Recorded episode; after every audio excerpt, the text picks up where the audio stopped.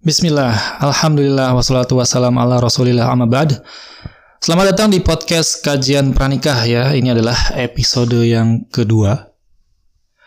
Apa kabar sahabat? Semoga sehat-sehat selalu. Semoga senantiasa di dalam lindungan Allah subhanahu wa ta'ala. Masih bersama saya, Yusuf Pratama. Anda boleh memanggil saya dengan sebutan sebutan Kang Yusuf ya. Karena, kenapa Kang? Ya karena saya, saya asli Bandung saya lahir di Bandung, sekolah SD, SMP, SMA, sampai kuliah di Bandung. Dan sekarang saya terdampar di kota Pandeglang, di Pondok Pesantren Riyadus Solihin Pandeglang. Ada yang udah pernah ada yang udah pernah dengar Pondok Pesantren Riyadus Solihin Pandeglang? Di pondok ini saya bekerja sebagai pengajar ya, salah satu pengajar di Pondok Pesantren Riyadus Solihin ini. Dan di samping itu saya juga me membuat kelas membuat kelas pranikah dan ini adalah salah satu program dari kelas pranikah yaitu podcast kelas pranikah. Dan di pertemuan di episode sebelumnya saya pernah menjelaskan kenapa uh, kelas pranikah hadir di podcast dalam bentuk dalam bentuk podcast ya. Salah satunya di antaranya adalah karena podcast ini bisa multitasking, bisa Anda bisa mendengarkan sambil mengerjakan aktivitas yang lainnya. Kemudian podcast ini juga apa namanya irit kuota di irit kuota dibandingkan dengan kalau misalnya kita nonton YouTube gitu. Jadi ini lebih menghemat kuota internet Anda gitu. Nah, bagi Anda yang kepengen juga gitu membuat podcast, uh, sedikit bocoran, uh, kelas pranikah ini membuat podcast itu menggunakan Anchor ya, Anchor FM, Anchor.fm. Anda bisa mengupload podcast Anda melalui website Anchor FM atau bisa juga mendownload di Play Store atau di iOS kalau nggak salah ada juga di sana. Silakan langsung download aja anchor.fm. Tulisannya itu A N C H O R .fm. Cara pakainya mudah ya, nggak nggak begitu susah. Bisa langsung dapat dipahami gitu cara menggunakannya, nggak ribet. Dan yang paling penting adalah gratis, ya. Dan ini kalau nggak saya salah, kalau nggak saya salah, kalau nggak salah. Anchor, Anchor FM ini pertama kali layanan podcast yang gratis karena yang sebelum-sebelumnya itu berbayar. Nah, selain itu juga kelas pranika ada di Facebook ya. Halaman Facebooknya itu facebook.com garis miring kelas pranika.online. Silahkan di like, silahkan di follow. Nanti kalau misalnya ada updatean episode terbaru, nanti saya share di situ. Dan podcast ini bisa Anda dengar di Spotify, dan mudah-mudahan nanti bisa muncul juga di SoundCloud dan kalau nggak salah di Google Google Podcast udah udah ada juga ya kelas pranika bisa ditemuin di situ. Ya langsung aja apa sih topik yang akan kita obrolin pada episode kali ini? Yang bakal kita bahas di kesempatan kita kali ini yaitu pacaran sebelum nikah versus pacaran setelah nikah. Nah, kalau misalnya disuruh memilih nih, anda lebih memilih pacaran sebelum nikah atau pacaran setelah nikah? Atau dua-duanya? Jadi sebelum nikah pacaran, kemudian setelah nikah e, dilanjutin pacarannya. Nah, kalau saya termasuk orang yang beraliran pacaran setelah nikah. Kenapa? Karena selain dilarang agama, pacaran sebelum nikah itu, pacaran sebelum nikah itu penuh dengan rekayasa. Maksudnya gimana? Maksudnya adalah ketika kita pacaran, maka kita akan berusaha sebisa mungkin untuk menampilkan sisi-sisi baik dari kita. Ada perasaan ingin tampil menjadi seperti malaikat yang tanpa cacat gitu ya. Ini agak berlebihan memang. Tapi memang seperti itu. Ada ada keinginan kita untuk tampil sempurna di hadapan pacar kita. Misalnya tiba-tiba pagi-pagi pacar kita datang ke rumah.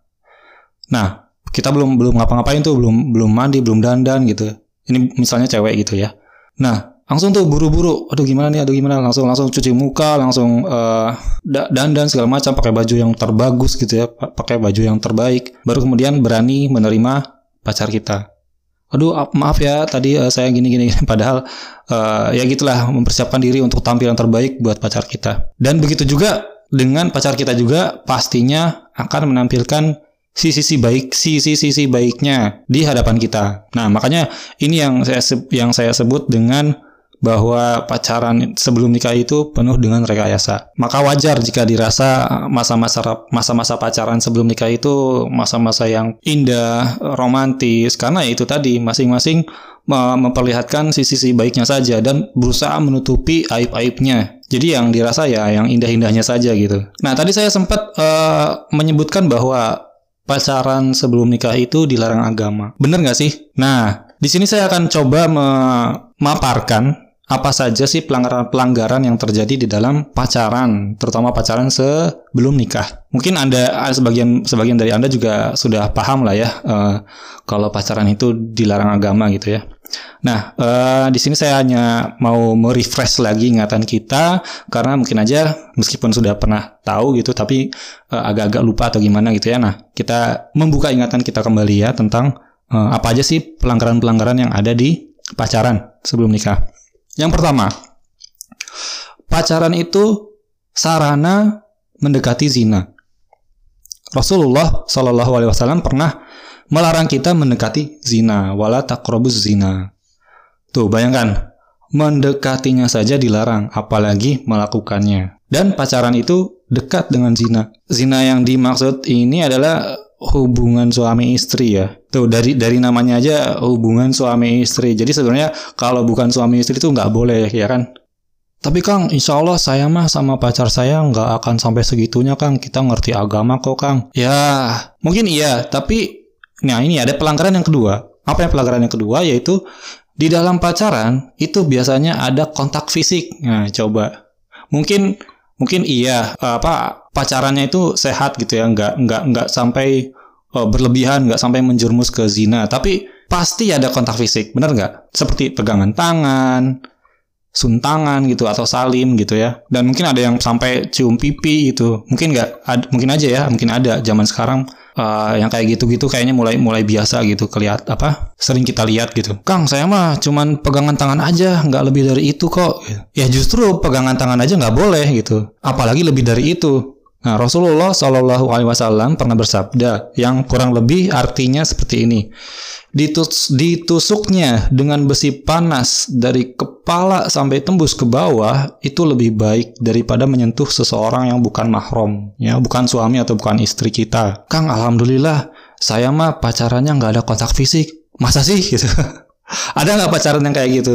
Jadi pacaran tapi nggak pernah bersentuhan gitu. Eh mungkin ada ya, tapi kayaknya uh, lang langka gitu ya. Bahkan hampir mustahil ada pacaran tanpa pegangan tangan, tanpa kontak fisik gitu. Kalaupun ada, seandainya ada pacaran tapi nggak ada kontak fisik gitu ya, tetap aja dia atau mereka ada pelanggaran yang dia langgar dari sisi yang lainnya. Apa itu? Nah, ini yang ketiga ya. Tadi yang pertama apa? Yang pertama itu pacaran itu mendekati zina. Yang kedua, pacaran itu biasanya ada kontak fisik. Nah, Kang, saya mah nggak nggak sampai nggak sampai kebablasan, Kang. Terus nggak nggak mungkin mungkin mungkin juga nggak sampai ada kontak fisik juga. Nah, tapi yang ketiga ini, nah yang ketiga ini apa?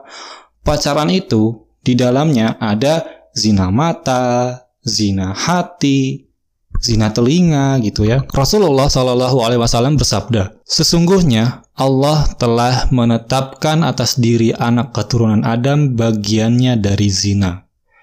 Dia mengetahui yang demikian tanpa dipungkiri. Mata bisa berzina, dan zinanya adalah pandangan yang diharamkan. Zina kedua telinga. Zina kedua telinga adalah mendengar, mendengar yang diharamkan. Kemudian lidah atau lisan bisa berzina. Zinanya itu adalah perkataan yang diharamkan. Tangan bisa berzina dan zinanya adalah memegang, mem memegang yang diharamkan. Kaki juga bisa berzina dan zinanya adalah ayunan langkah ke tempat yang haram. Dan hati itu, hati bisa berkeinginan dan berangan-angan. Sedangkan kemaluan membenarkan yang demikian itu atau mendustakannya. Ini hadis riwayat Bukhari nomor 624 600 eh 6243 dan hadis riwayat Muslim nomor 2657. Nah, jadi tetap gak bisa ya yang namanya pacaran mau sesyari apa pun pasti ada zina hati pasti ada zina mata, pasti ada zina telinga, pasti ada zina tangan ya, kalau misalnya chatting-chattingan. Pasti ada zina mendengar kalau misalnya teleponan. Kan biasanya kalau teleponan ya kalau sesama pacar tuh suaranya di lembut-lembutin gitu, diperindah gitu. Nah ini. Jadi susah. Pacaran yang syar'i itu susah kalau sebelum nikah. Beda dengan kalau pacaran setelah nikah. Nah, masalahnya kadang-kadang ada yang sudah menikah tapi malah nggak pacaran gitu ya, malah nggak romantis. Nah, ini yang yang yang mungkin banyak terjadi di rumah tangga gitu ya. Atau mungkin saja itu bisa terjadi karena dia sudah merasakan pacaran sebelum nikah, bener nggak? Jadi nih ya, sebelum nikah tuh dia pacaran, Wah, semuanya dia nikmatin keindahannya, kemesraannya, keromantisannya. Maka apa yang terjadi setelah menikah udah terbiasa tuh. Jadi kayak kesannya tuh kayak udah bosen gitu. Kayaknya kayaknya udah pernah merasakan gitu. Jadinya udah nggak romantis lagi, udah nggak udah nggak indah lagi gitu. Jadi kayak kayaknya ah kayaknya ah udah udah udah pernah pacaran ini kan.